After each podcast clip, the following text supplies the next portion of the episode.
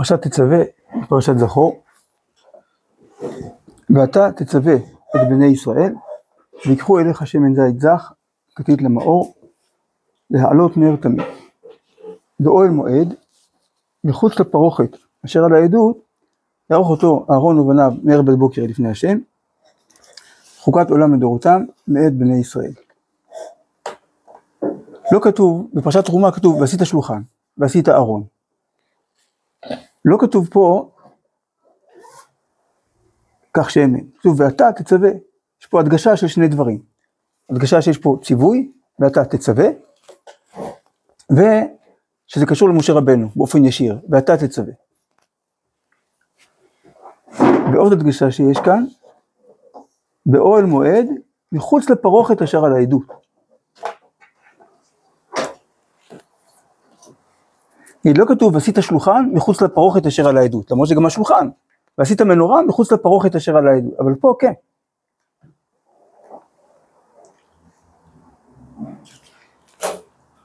אומר המדרש, באוהל מועד מחוץ לפרוכת, שלא יטעה אותך וצריכה לומר שהוא צריך לאורה. לא הייתה מנורה צריכה אלא להינתן לפנים מן הפרוכת. הרי תמיד כשמאירים משהו, אז מאירים את הדבר המרכזי, שרוצים שכולם, אה, שהוא העניין, נכון? אז הדבר המרכזי במשכן הוא ארון, בקודש הקודשים. אז המנורה הייתה צריכה להיות ליד, ליד הארון, כאילו להאיר את הארון. בנתונה, כן, וגם מתאים, כנר מצווה ותורה אור, אז שיהיו ביחד בקודש הקודשים, התורה אור והנר מצווה.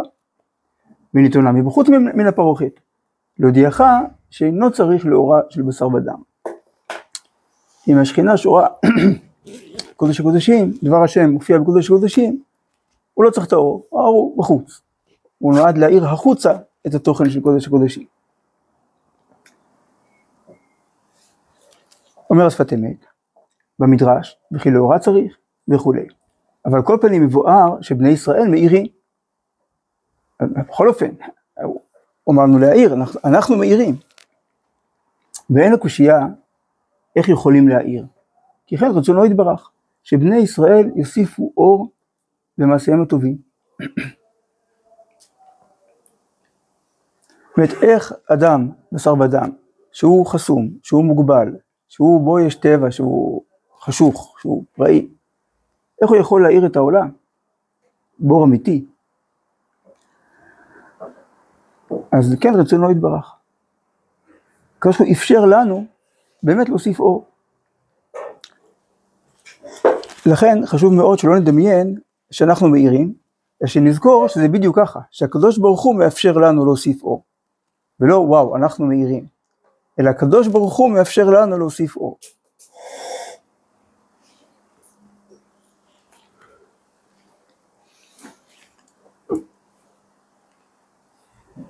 רק שצריכים לידע שאין האור על ידי כוח עצמות שלהם.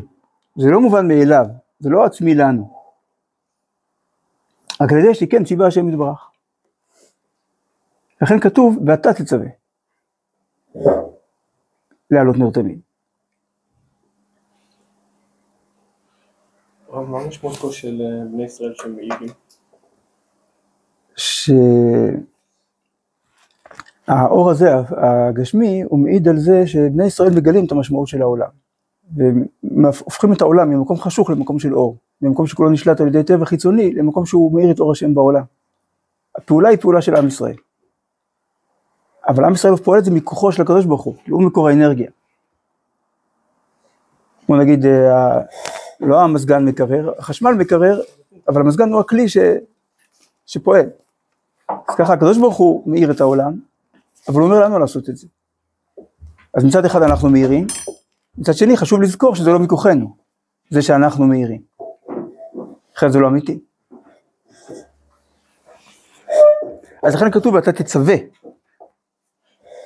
למצוות הנרות. וזהו שהקדים ואתה תצווה למצוות הנרות. כלומר הציווי קשור דווקא לנרות, להודיע כי כוח תורה מצוות שנתן השם יתברך לבני ישראל. אז התורה והמצוות הם שני כוחות שקיבלנו, הבנה אלוקית ופעולה אלוקית. האדם מסוגל להבין דברים, יש לו עולם של הכרה, של משמעות, והאדם מסוגל לפעול במציאות. הקדוש ברוך הוא בשני הדברים האלה מזכה אותנו שההכרה שלנו תהיה הכרה אלוקית, לא רק הבנה, ניסיון אנושי לפענח את המציאות, לעשות בסדר, נגיד כמו של המדע, מדע החול. מדע החול מוצא את עצמו בתוך מציאות מורכבת, מבלבלת, ולאט לאט עושה סדר בכוח השכל האנושי. אבל התורה, וגם נגיד כל מערכת משפט, היא גם, יש אנשים שונים, רצונות שונים, סתירות, התנגשויות, אז צריכים שיהיה סדר, אז יש שופטים בכל מדינה, ש... כן, אנשים, יש מחוקקים, יש שופטים.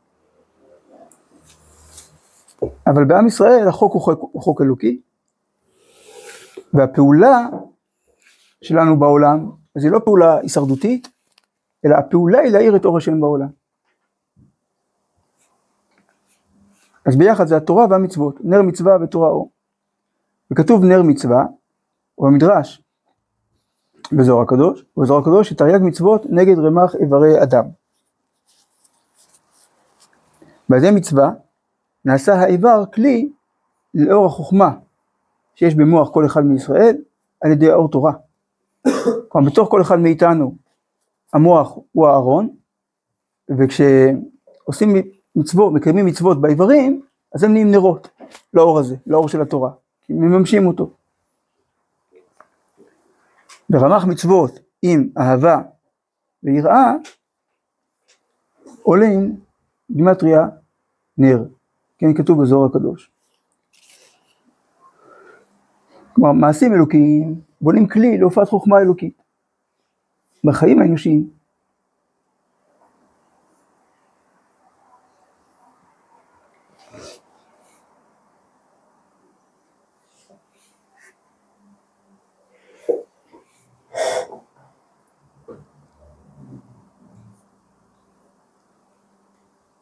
ונקרא מצווה מלשון צוותא. נראה לי שגם מגיד מזריץ שאמר את זה. הקדוש ברוך הוא מזמין אותנו לחבר, שעל ידי מעשה המצווה תימשך עשיות האדם לאור המצווה.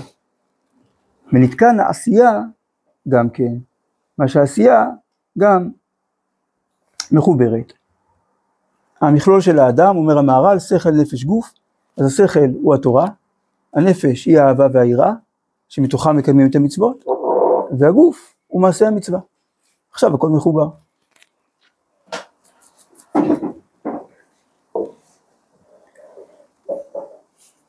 וזהו שכתוב, ואתה תצווה. מי זה אתה? משה רבנו. על ידי שבני ישראל יהיו מחוברים אליו, למשה רבנו, כי הוא מצווה ואנחנו עושים.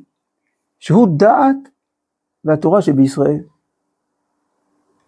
אז כמו, כמו ארון ומנורה, מוח ואיברים, כך משה רבנו בישראל. אז אתה תצווה, אתה מחבר. כמו שכתוב במדרש תנחומה, מלך אסור ברהטים, זה משה. תראו למטה, ואתה תצווה וגומר, זהו שאמר הכתוב, ראשך עלייך ככרמל. הרש שבישראל, כלומר אל תקראי ראש אלא רש. הרש שבישראל שקול, שקול כאליהו, שנאמר ואליהו עלה אל ראש הכרמל.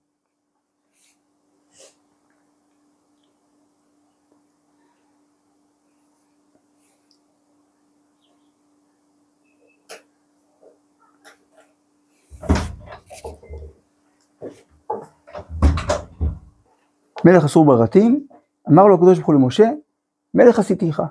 מה מלך עמו עושים גזירתו, ואז מלך יש חיבור, אחרת יש נתק, ואז הוא לא מלך. אף אתה גוזר עליהם, והם עושים.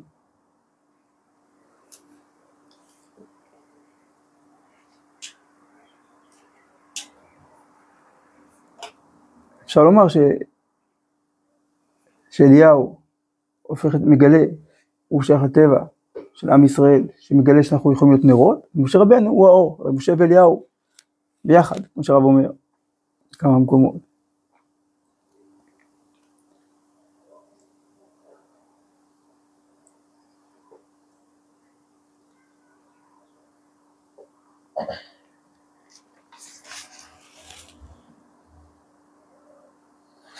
אז מי זה משה שהוא דעת התורה? שנתן הקדוש ברוך הוא לבני ישראל. כמו שאומרים, חיי עולם נטע בתוכנו. אין שם במדרש.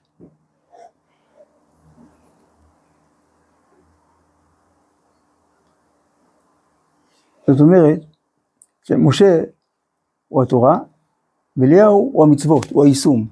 משה רבנו הוא גואל ראשון, מגלה לעם ישראל את המשמעות של עם ישראל, ואליהו הוא זה שמממש את זה בגאולה האחרונה, שזה מופיע בפועל בעולם הזה, שהעולם הזה מאיר את האור הזה של משה רבנו, של התורה.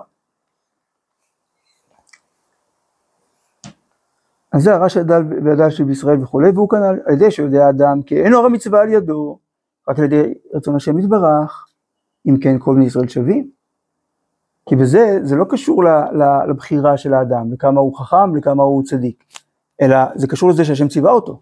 השם ציווה את היהודי הכי מתוסבך כמו את היהודי הכי צדיק. בזה כולנו שווים. הדל והרש הוא כמו אליהו, במצוות. וכן פירש אדוני אבי זקני, אה, סליחה, וזה ראשך, שכוח ישראל והראשית וההתחלה שלהם, מאיפה הם נובעים? מהשם יתברך והתורה, שעל ידי המצוות מחוברים ודבוקים בו יתברך. ועל ידי זה יכול, יכול כל אדם להתחזק, לידע, כי כל אחד מישראל ראוי לקיים המצווה כרצונו יתברך. כל אחד מאיתנו יכול לקיים מצוות ממש לגמרי כמו שהשם רוצה. אבל אנחנו כאלה מתוסבכים וכאלה שרוטים וכאלה לא ממש עם המידות ולא מבינים, אז איך אני יכול לקיים מצווה ממש כמו שהשם רוצה? אף שאין בכוח האדם, אני באמת לא יכול, זה לא כוח שלי, רק על ידי שהשם יתברך עוזר ונותן כוח לקיים. כלומר, כל אחד יכול לקיים, כי אף אחד לא יכול, לא יכול לקיים. אף אחד לא יכול לקיים לולא זה שהשם נותן כוח. השם נותן כוח לכולם. מה, כל ילד בגיל 13, ביום אחד, יש לו מושג מה הוא עושה? יש לו מושג מה זה קריאת שמע? יש לו מושג מה זה קריאת המזון? מה זה ברכת המזון? יש לו מושג מה זה שבת? אז מה, מה, מה הוא עושה? כאילו, טוב, מה אנחנו עושים? כל אחד לפי מדרגתו, אף אחד מאיתנו לא באמת כלי שלם שראוי, שמבין את המצווה וחי אותה לגמרי. אבל באמת זה שאני עושה את המצווה, זה לא כי הבנתי או כי אני רוצה, כי אני בחרתי, אלא כי השם אמר לכל ישראל, ולי בתוכם.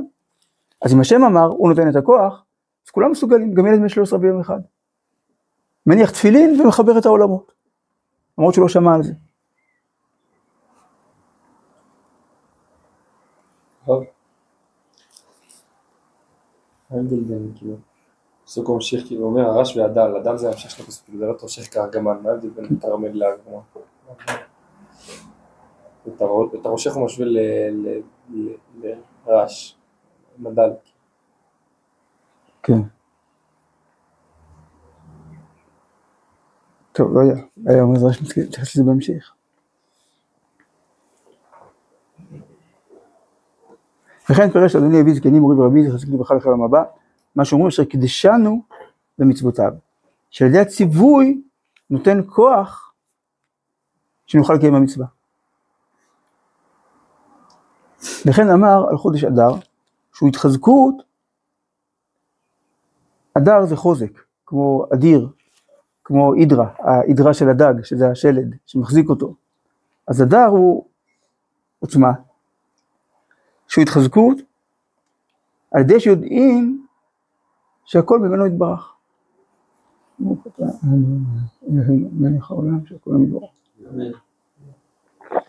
כלומר, כשחושבים שהדברים נעשים מהכוח שלנו, אז הכוח שלנו מאוד מאוד מוגבל. כשיודעים שהדברים הם מהשם, אז הכוח הוא לא מוגבל. כמו שרבי חנין בן דוסה אומר לבת שלו, מי שאמר לשמן וידלק, הוא אמר חומץ וידלק. מי שחושב ששמן מדליק אש, אז שמן מדליק וחומץ לא מדליק. זה לא יעזור, אז החומץ לא ידליק. אבל מי שיודע שהשם מדליק את, ה, את האור, דרך השמן בדרך כלל, אבל הנקודה היא שהשם מדליק את האור. אז אם אנחנו רוצים, לדל... רוצים באמת את רצון השם, והשם רוצה שידלק אור, אז הכלי לא כזה לעיכובה. אז אם לא שמן, אז יהיה חומץ. כי לא השמן מדליק את האש, אלא העומר, העומר האלוקי. מי שאמר לשמן. אז מי שאמר לשמן, יאמר לחומץ. אז זה אדר. יודעים שהכל ממנו יתברך. יש גזירה חתומה, איך אפשר לצאת מזה? הכל ממנו יתברך. כמו שאמרו רבותינו זכרם לברכה, הרוצה שיתקיימו נכסיו, שתהיה להם קיימות, חוזק,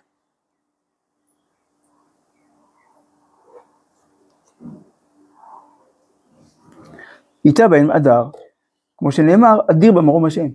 אז מה הכוונה? הפירוש גם כן, שידע שהכל מכוחו יתברך. הפשט זה עץ ששמו אדר. אז, אז מה הכוונה? שיש, זה מזכיר, השם של העץ מזכיר את מקור האדירות. כמו המלחמה בעמלק. איך ידיו של משה עושות מלחמה או שוברות מלחמה? מה זה, זה, זה קוסמות כזאת, זה משהו מגי. אלא, מסתדרי ישראל מסתכלים כלפי מעלה, לא על הידיים של משה, אלא איפה הידיים, הידיים של משה מפנות אותה מבט למעלה. משעבדים את ליבם לאביהם שבשמיים. כשזוכרים שהמלחמה היא מכוח זה, מכוח שעבוד הלב לשמיים, השם רוצה שננצח, לכן בוודאות ננצח, אז מנצחים. וזהו הקיום והחיזוק. הידיעה שהכל משמיים. וכן חודש אדר מרמז על דלות ורשות. עד כאן. יכול להיות שהדר של אדר, ראשי תיבות ד', כן, ד' ר' זה דל רש, אבל יש א', דבר השם, אנוכי, שמופיע, שגואל את הדל והרש. הוא אומר, בצירוף האלף, שהוא כוח ההתחלה, להשם יתברך. כנ"ל במדרש, ראשך עלייך ככרמל, כלומר ראש המילה הוא אלוקי.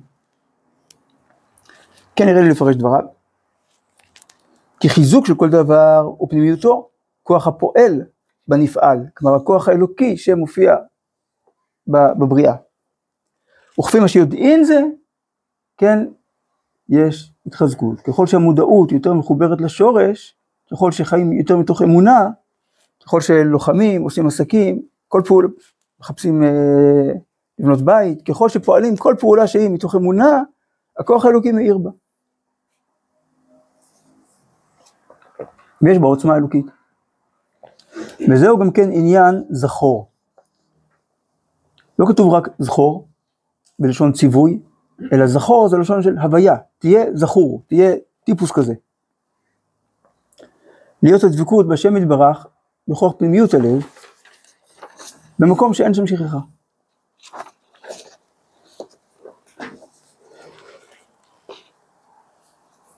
כלומר, במקום של עצם הזהות.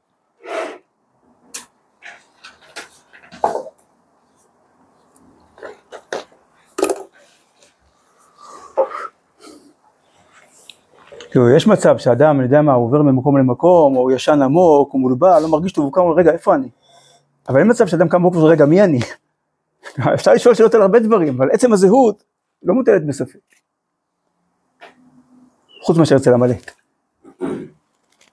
וכל מי שחשוף לתקשורת אה, מבין. עכשיו בדור שלנו אין זהות באשר היא. מי אמר? מה זה ככה נולדתי?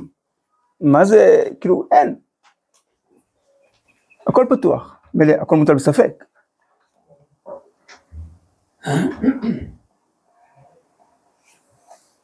זה נקרא לשכוח.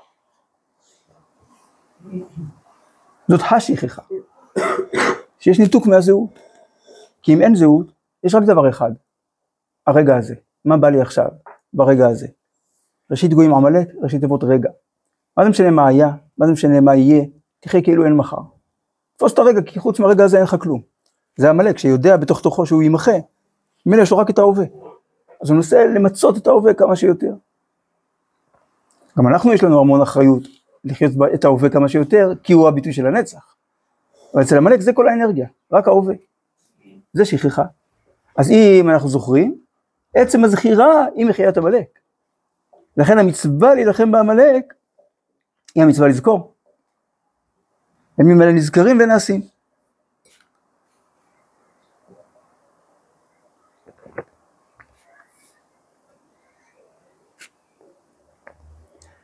רק ברפידים. במקום שיש זיכרון אין שליטה על עמלק כלל. איך יכול לנסות לתפוס אותנו? ויזנב, בזנב, הכי רחוק מהראש, מהמקור. נכשלים. וגם רק ברפידים, גם כן הפירוש רפיון ידיים מתורה ואמונה.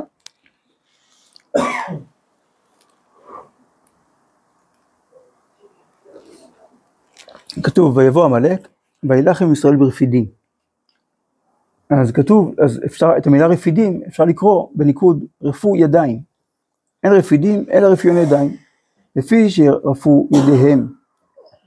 רפו ישראל ידיהם מדברי תורה, כלומר נוצר נתק בין הידיים לבין הראש, בין המעשה שהוא החיצוניות לבין הפנימיות, לכך בא שונא עליהם.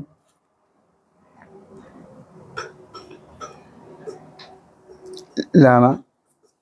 כי אמרנו עמלק הוא הניתוק. אז כשהחוץ מנותק מהפנים, אז עמלק שולט בו. כי בחוץ הוא יותר חזק. כמו שבהמה יותר חזקה מהאדם. אז המלחמה בעמלק היא להילחם ולהסתכל כלפי מעלה. ולדעת שמשה ויהושע הם צוות אחד.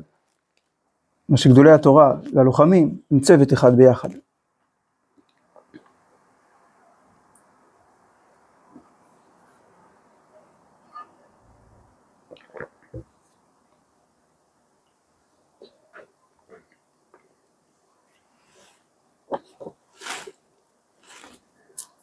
אז מה זה רפיון ידיים? מתורה ואמונה, אומר השפת אמת, והוא הפסק הדבקות לפנימיות כנ"ל, וזה קלקול הברית. כי ברית הוא התקשרות לפנימיות. ששני השנים כורתים ברית. אז אומרים כל אחד הולך למקום שלו, כל אחד עושה הרבה דברים, אבל אנחנו ביחד כל הזמן. אנחנו מחויבים אחד לשני כל החיים. כלומר יש תוכן פנימי, שגם שבחושים לא נראה אחד את השני, אנחנו מחויבים אחד לשני כל הזמן. אז ברית זה פנימיות, שזה עניין זכור את יום השבת. זה היום של הזכירה, של הפנימיות, כי אין בו חיצוניות, לא עושים בו מלאכה. אז לדעת שיש, לא רק, מה זה זכור את יום השבת? לא לזכור שיש יום כזה, אלא לזכור שיש פנימיות בחיים. כל יום.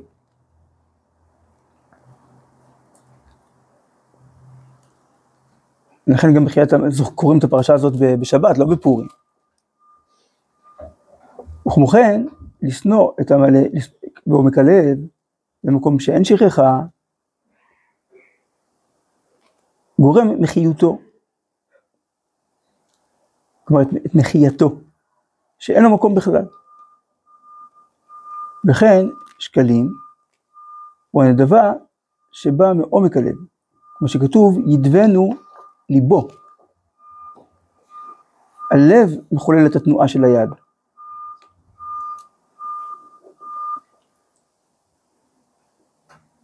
והוא הרצון הטמון בכל איש מישראל, והוא עיקר חיותו, כי לב הוא עיקר הדבר. אז מרכז החיים של האדם נודב אותו לתת. זה לא שבסדר, אני דתי, אז מדי פעם גם צריך לתת משהו וזה, אלא מרכז החיים, עצם רצון החיים הוא רצון חיים של נתינה.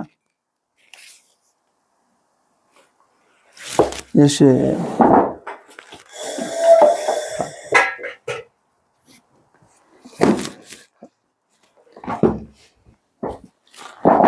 בפרקי אבות, בפרק ה', יש רשימה, יש כמה משניות, יש בהם רשימות של אה, ארבע.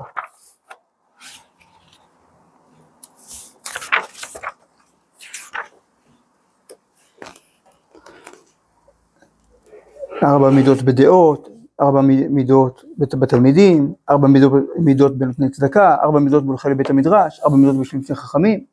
הארבע הראשון זה ארבע מידות באדם. אז מה זה אדם? העומר שלי שלך, שלי שלי ושלך שלך זו מידה בינונית.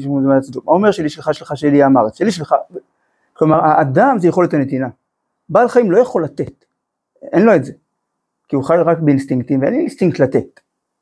אלא אם כן זה אינסטינקט של הורים לצאצאים, אבל כשהצאצאים גדלים הם רבים בדיוק כמו זרים.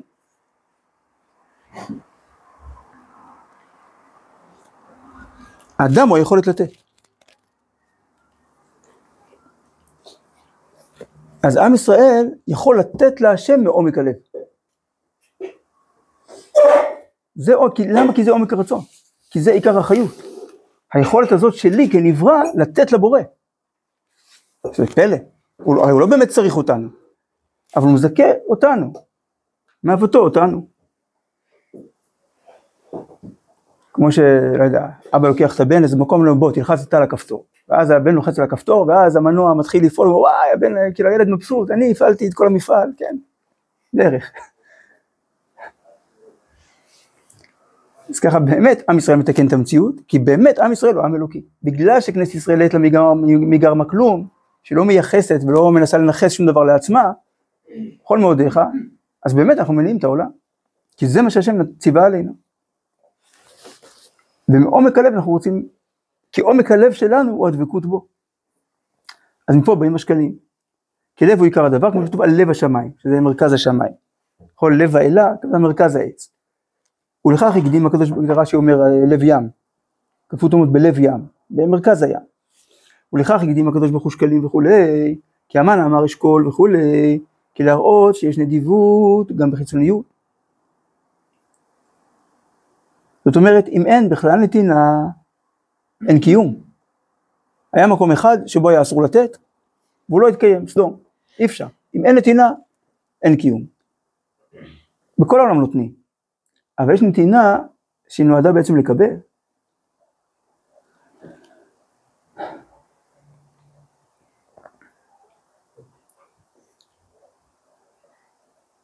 נתינה עסקית. והקדוש הוא הקדים וכולי. שנדיבות ישראל באה מפנימיות רצונם, שיש בכל איש ישראל רצון פנימי, אז למה, למה צריך ציווי? רק על ידי יגיעה מתעורר הפנימיות. הפנימיות תמיד קיימת, רק לפעמים היא רדומה. אז צריך לעזור לה להתעורר, באמצעות זה שמבטאים אותה בפועל. כי זה כל העניין של העולם הזה, כמו הקדמה של הרמח"ל, שאף על פי שכבר קבועים בלב כל אדם הישר התחלותיו ויסודותיו, אבל אם לא יעסוק בהם וכולי, צריך להתאמץ, צריך אמצעים ותחבולות. זה הפרדוקס של העולם הזה, שצריך להתאמץ כדי להיות טבעי.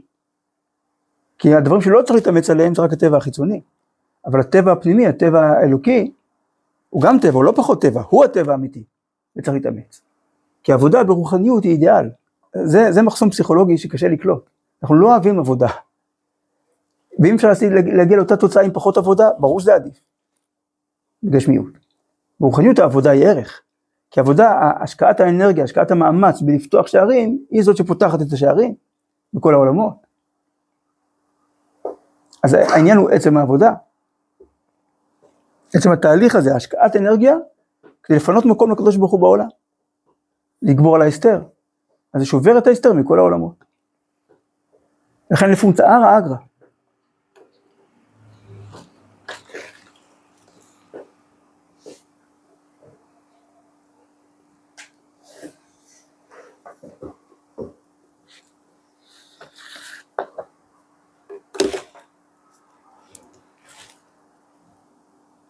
כמו שהרב אומר, מה שלא שמחים בו, לא מתמידים בו.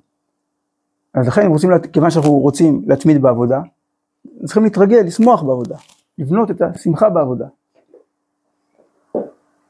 בעצם התהליך. וכן בכל מצווה, כנ"ל, לכך אחר שקלים זכור, שיכולים למחות שם עמלק על ידי התעוררות פנימיות כוח ישראל. כנ"ל, כלומר מתוך השקלים, השקלים מעוררים את הזכירה, והזכירה מוחה את עמלק.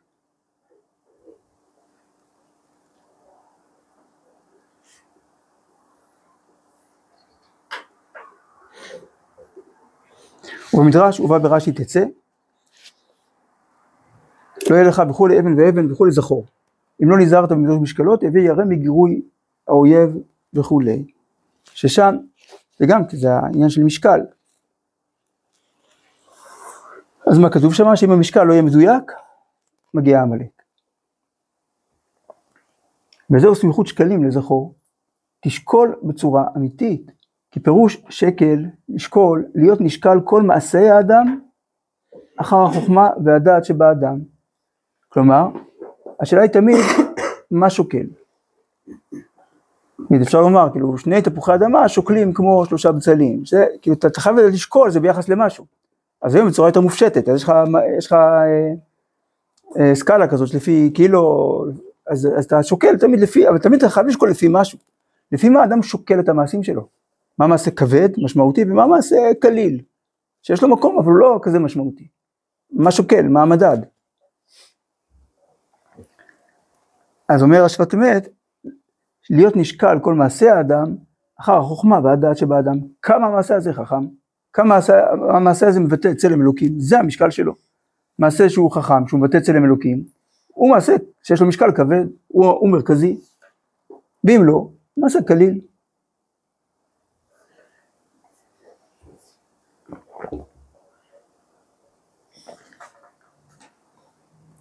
וזה עניין מידה ומשקל, זה שורש כל הבריאה. הבריאה זה שמופיעות מידות אלוקיות. כי השם יתברך אין סוף, אז אין מידה. והיה בריאה במידה. שנמדד מחיותו יתברך לכל נברא. כלומר השם מודד לכל אחד את עניינו, ומידה זו צריך האדם לשמור. כלומר שלא יהיה אבן ואבן לפי החשק. אדם מחליט, כאילו מה העיקר ומה טפל, כל רגע לפי ה...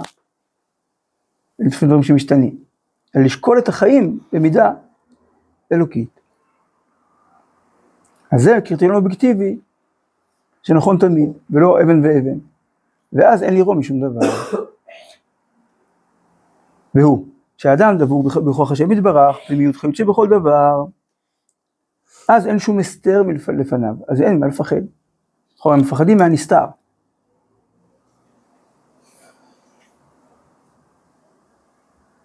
ואם יקרה משהו שאני לא אוכל להתכונן אליו, ופתאום זה יבוא אליי ואני לא יודע מאיפה, זה הדברים שמפחידים, שאני לא יודע מאיפה זה יבוא אליי בכלל.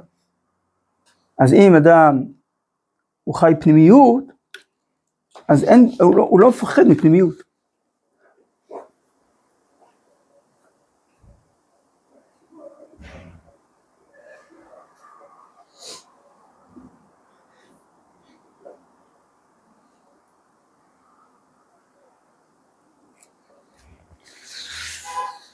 ולזאת, אחר פרשת שקלים, יכולים למחות שם עמלק. כי יש לנו פנימיות, אז אין הסתרה.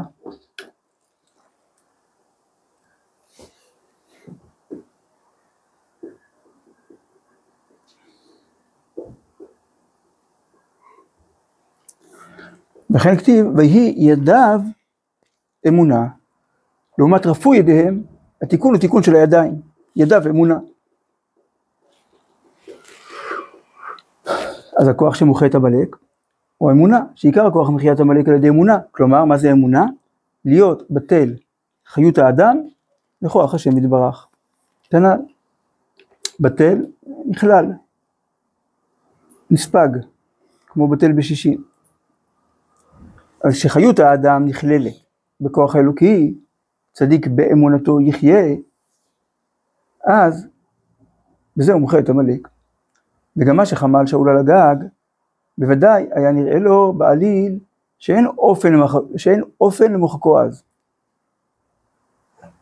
לגמרי אז. שהרי באמת נשאר. זאת אומרת, שאול היה במדרגה רוחנית מאוד גבוהה, הוא ראה את הפנימיות, הוא מלך ישראל, הוא קולט את הדור, קולט את המצב, את השלב הזה בהיסטוריה, זה לא השלב למחות את עמלק לגמרי. אז הוא לא מוכר, אז הוא משאיר את הגג. משאיר את הצאן. והמציאות מה גילתה? שזה נכון, הרי אם זה היה הטעות שלו, אז הוא היה לוקח מישהו אחר, שהוא יגמור את העבודה, ובאמת היו מוכרים את כל עמלק ואת כל הצום וכל ה... לא היה נשאר כלום. אז זה לא עבד, למה זה לא עבד? כי באמת שאול צדק. באמת מבחינה היסטורית עוד לא הגיע הזמן. מה? שמואל מטיף לו, כאילו, ברוך הוא מטיף לו. אז הנה, זה, זה המשפט הבא. ואך אם היה מתחזק באמונה, לידה, כי בוודאי השם ידבר יעזור, שאם יוכל למחות בו לגמרי, כמו שאמר לו שמואל, זה עצמו היה הסיוע שיוכל למחקו לגמרי. כלומר היכולת לפעול לא לפי ההכנה, הפנימיות שהוא, שהוא קולט אותה, שזה גם חיצונית ביחס לעצם רצון השם ש, של הנצח. כי הנצח מוחה את עמלק, לא סדרי הזמני. והחיבור של שאול לפנימיות הוא דרך שמואל.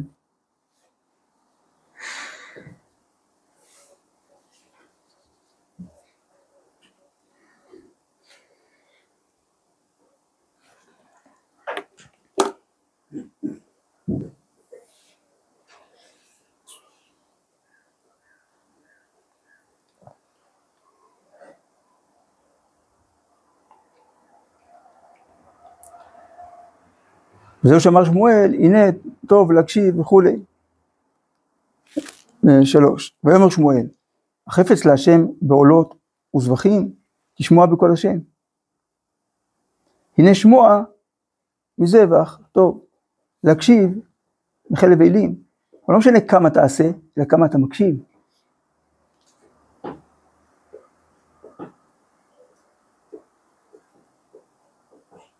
מה זה מקשיב? מחובר פנימה. בפנימיות של שאול זה שמואל. אבל ודאי בדעת שאול היה לרצון השם יתברך. הוא מסר נפשו על זה לשנות מציווי שמואל. כלומר, הכוונה של שאול הייתה לשם שמיים לגמרי. אבל זה היה לא כמו ששמואל אומר לו. וזה חיסרון אמונה לאיש כמוהו. וכן יש מזה בכל אדם להשגיח, שיהיה בטל דעתו ורצונו למאמר השם. אז דעת זה ההכרה, ורצון זה הרצון, ושניהם צריכים להיות בטלים למאמר השם. אבל אני מבין ככה, ואני רוצה ככה. נכון, אבל אם השם מבין אחרת, כתוב בתורה אחרת, אם השם רוצה אחרת, אז הביטול לרצון השם ולדעת השם, היא זאת שמחברת אותנו פנימה. עד לא ידע. היכולת לפעול ממקום פנימי. זה אמונה. שכמובן חשוב אחר כך לברר אותה בשכל, ויש היגיון בכל דבר, והתורה היא לא שרירותית, יש טעמים למצוות. אחר כך.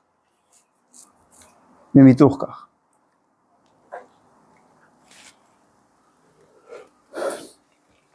טוב, אז העיקר זה חיבור לפנים. לגלות את הרצון הפנימי, שזה השקלים מגלים, ומתוך זה להיות זוכר, ומזה נמחה עמלק. וזה מסביר את הציווי המאוד לא שגרתי של פורים, להשתכר, לוותר על הדעת.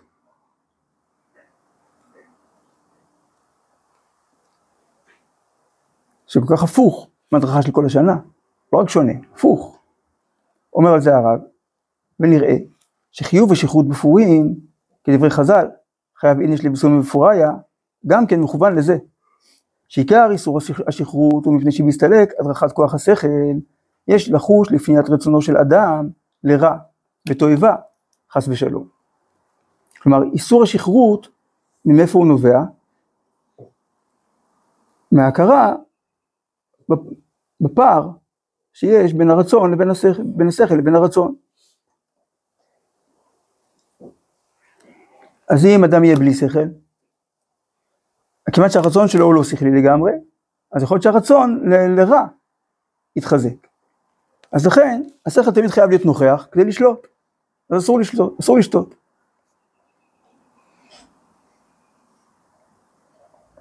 יש תשובה של הרב משה פיינשטיין, שאלו אותו בחורי ישיבה ממדינה בארצות הברית שהיה מותר בה לעשן מריחואנה. אז שאלו אותו אם מותר לעשן סמים, לפי התורה. אז הוא כותב שאסור, כותב חמישה נימוקים, והנימוק החמישי, ביתם קדושים. עם ישראל צריך להיות עם קדוש, עם מחובר, שזה צריך שכל, להשגיח, לדייק. אז אסור לאדם באופן מודע להפחית את המודעות שלו, ליזום הפחתה של מודעות. אבל בפורים נשפע על כל ישראל שפע רצון של קבלת התורה, של הדור קיבלוה. אז זה מדור לדור, הימים נזכרים ונעשים בכל דור ודור. ובו ביום מאיר על כל איש ישראל המחזיק בתורת השם, אור רצון אמיתי לבחור בתורה ובדרכיה. אז לכן, כיוון שבפורים הרצון האמיתי מתעורר, ועל כן מראים שאפילו בשחרותו אינו שר מדרך השם. ושפנימיות רצונו, הוא פונה לטוב. אז אדרבה, יש עניין להבליט את זה. כיוון שהרצון שלנו הוא טוב, אז איך אה, מזקקים את זה? מנכיחים את זה? שמסלקים את השכל. אומרים, הנה, תראה, תראה איך נראה יהודי עובד השם, כשהשכל שלו לא פועל. אפילו בשחרותו אינו שר מדרך השם. כי מה זה מעיד? שפנימיות רצונו, הוא פונה לטוב. פעם שמעתי את זה מהרב טאו שליטה בשיעור, ואז אז אמרתי לי שלפי זה בעצם היה צריך לשתות כל השנה, כל שנה אנחנו נוסעים, אז, אז יש לנו פטור, אבל בפורים כאילו מגיעים לציווי המקורי, אז אמרנו, יש לכם מה להגיד בפורים. אז אני אומר לכם עכשיו, אז שיהיה זכירה טובה בשבת, שיהיה פורים שמח ומרומם, זאת השם, תוך כל ישראל, שיהיה נהפוך האמיתי, שהכל, שהכל יתהפך להתיישר, זאת השם, שכל הדברים שיתהפכו בכל הגלות, כל ההסתרים. שההיפוך יתהפך, הכל יהיה ישר ומחובר, ומילא ימחה זכרו של עמלק. נזכה לגאולה שלמה, ברחמים.